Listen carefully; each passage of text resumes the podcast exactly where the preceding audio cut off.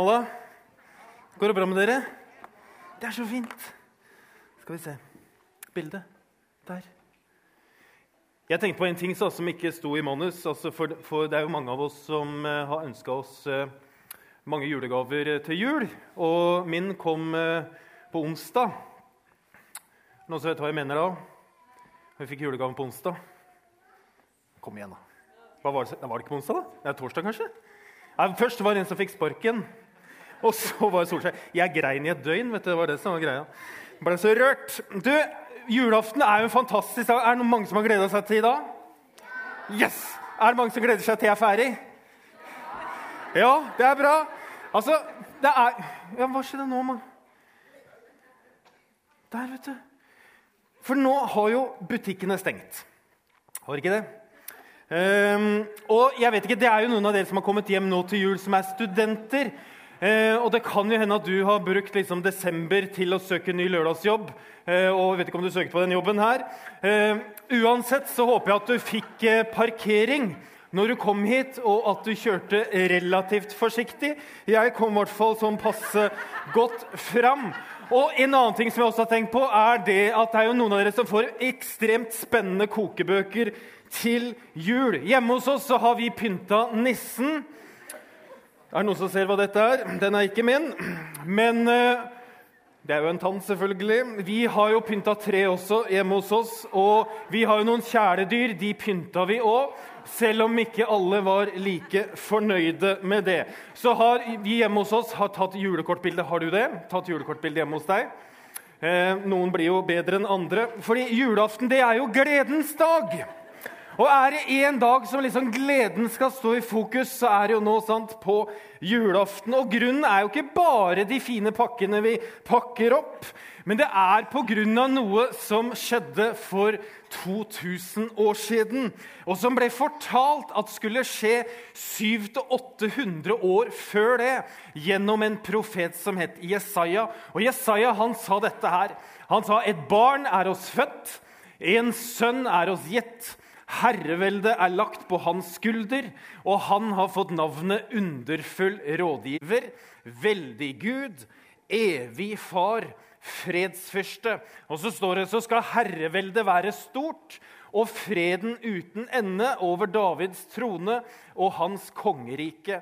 Han skal gjøre det fast og holde det oppe eh, ved rett og rettferdighet fra nå av og for alltid. Herren over hærskarene skal gjøre dette i sin brennende iver. Vet du at Julaften det gir oss en trygghet over at vi kan tro på en Gud som er underfull rådgiver. Fordi Jesus han kommer ikke med tørre råd og kjedelige retningslinjer. Nei, han er en underfull Gud. Han er en underbar, som man sier på svensk. Han er egentlig en genial Gud rådgiver. Fordi rådene hans er fulle av visdom, og han er den aller beste rådgiveren vi kan ha. Som vi sa på tredje søndag i advent, så sa vi at Jesus elsker at du stiller han spørsmål, og at du undrer deg over den kristne tråden. For når du gjør det, så er du med på å søke råd hos han som er underfull rådgiver. Og så er Jesus veldig Gud. Han er Gud. Hans vesen, det er guddommelig. Han er så mye mer enn det vi kan forestille oss. Han er historiens gud, han er verdens gud, han er evighetens gud, han er himmelens gud, han er jordens gud, han er min gud, og han er din gud, fordi han har all makt i himmel og på jord. Han er sterk, han er mektig, og han kan gjøre alt fordi han er veldig Gud. Og så er han evig far. I, først, i Johannes-evangeliet så står det Men alle de som tok imot ham, dem ga han rett til å bli Guds barn, de som tror på hans navn. Fordi Gud er din far. Han er en far som du kan ha en relasjon til. Han er din venn, men han er også din far. Og så er han en far som lever evig, som er til å stole på, og som følger deg gjennom hele livet. Fordi Gud er med deg hver eneste dag. Han er en del av din sjel, han er en del av din kropp, og han er en del av din ånd. Han er evig far for alle mennesker. En ubetinget, kjærlig, evig far. Og Gud sier til deg i dag at 'jeg elsker deg'. Jeg elsker deg nå, og jeg elsker deg før du gjorde noe som helst. Og jeg elsker deg uansett hva du gjør, fordi jeg er din evige far. Uansett hva du gjør med det, så er han fredsfyrste. Jesus han er fredens hersker, kan man si. Gjennom ord og handlinger så skaper Jesus fred.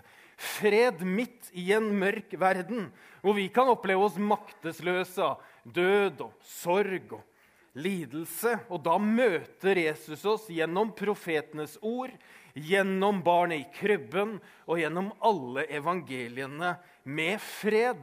En fred som overgår all forstand, står det. Og Det betyr at den overgår all logisk tenkning. Alt hva du kan forestille deg, så møter han deg med fred. Det står i Jesaja at det folket som vandrer i mørket, ser et stort lys. Over dem som bor i dødsskyggens land, stråler lyset fram. Og dette lyset er Jesus Kristus, og vi kan være en del av hans lys ved å koble oss på han og menigheten. Og da er vi med på å lyse over folket. Og Juleevangeliet sammen med profetene rommer da det ordet som er tema i dag, som er glede. Og De tre vise menn de ble fylt av jublende glede står det, når de så Jesusbarnet. Engelen som viste seg for Maria, sa at Jesusbarnet skulle bli til glede og fryd for henne. Englene som kom til gjeterne, sa, 'Jeg forkynner dere en stor glede.' Og når Jesus ble ungdom, så skriver Lukas om han at han var til glede for Gud og mennesker. Men så stopper ikke glede med Jesus eller med evangeliene. Men den fortsatte jo med disiplene og etter hvert med oss. Og når Philip, en av Jesu disipler, Eh, reiste til en by som het Samaria, så står det at det ble stor glede i byen når Philip kom. Når Paulus, en annen av disiplene, sammen med Barnabas møtte motstand i en by som de gikk til, så står det at da ristet de støvet av føttene mot dem og dro til Ikonium, en annen by. Men disiplene de ble fylt med glede og Den hellige ånd. Når Paulus, som har skrevet halve Det nye testamentet, skriver om hva som skal kjennetegne de kristne, altså Den hellige ånds gaver, så skriver han men åndens frukt, det er kjærlighet, og det er glede, og det er fred. Og Når Johannes skriver Johannes' åpenbaring, som er den siste boken i Bibelen, så får han et glimt inn i himmelen. Og så står det at, at han hører noe som høres ut som et mektig kor som synger. Og da sier, synger de 'La oss glede oss og juble og gi ham æren'. Fordi julaften det er gledens dag. Juleevangeliet er historien om når gleden kom til verden som en person, som Jesus Kristus. En glede for hele folket, en glede som smitter, en glede vi bringer videre, en glede som kommer innenfra en glede som sprenger negativitet. Som kan løfte deg ut fra rotløshet, fra selvforakt, fra dårlig selvtillit, fra arr i livet, fra alt du strever med. For Nehemia skriver i Det gamle testamentet at gleden i Herren skal være deres styrke. Og I en tid som vi lever i, som preges av sterk individualisme, umiddelbar sånn behovstilfredsstillelse, velstand og krav og jakt etter lykke og jakt etter flere likes og følgere og jakt etter å finne sin egen indre personlige stemme, så gir Gud oss gjennom Jesusbarnet glede i livet. Og en glede som kommer innenfra. Det er derfor eh, Paulus skriver 'Gled dere alltid i Herren'. Igjen vil jeg si, gled dere. En glede for hele folket. Og denne gleden, dere, kan du få en del av. Men den starter ved å gå inn til Betlehem, inn til stallen og møte barnet i krybben. Fordi barnet i krybben, det er Guds sønn, Jesus Kristus, som vokste opp til å bli mann. Og som mann så tok han all verdens synd på seg på langfredag.